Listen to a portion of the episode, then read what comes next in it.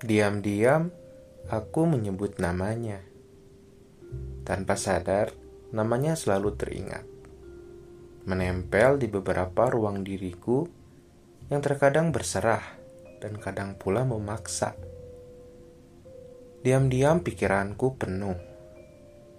Terlalu lalu lalang, berdesakan antara lelah dan cahaya-cahaya yang aku anggap akan membuatku bahagia.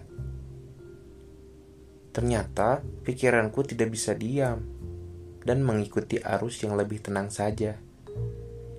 Banyak tumpukan buku yang harus aku baca. Banyak ribuan pertanyaan yang harus aku jawab. Banyak bintang-bintang yang harus jadi nyata untuk hidupku.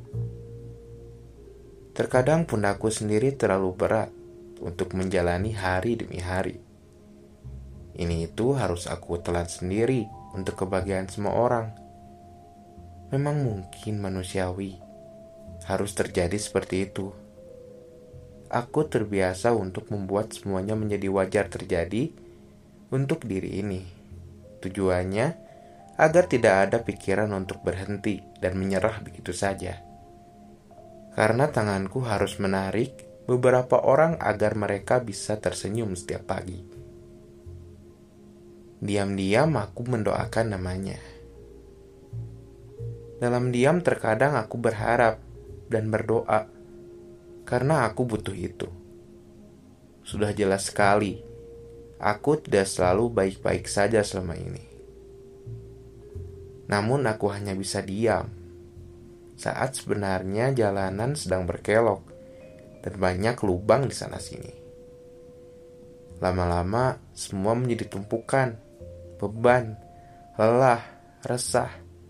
Tidak semua bisa aku atur dalam genggaman. Pada akhirnya aku hanya diam.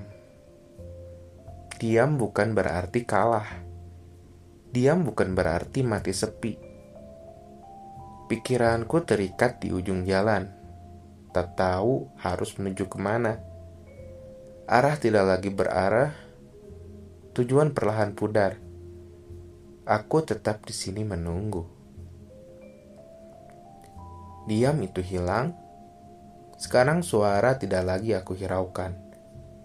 Aku hanya menyumbat mulutku dan memilih apa yang ingin ku dengar.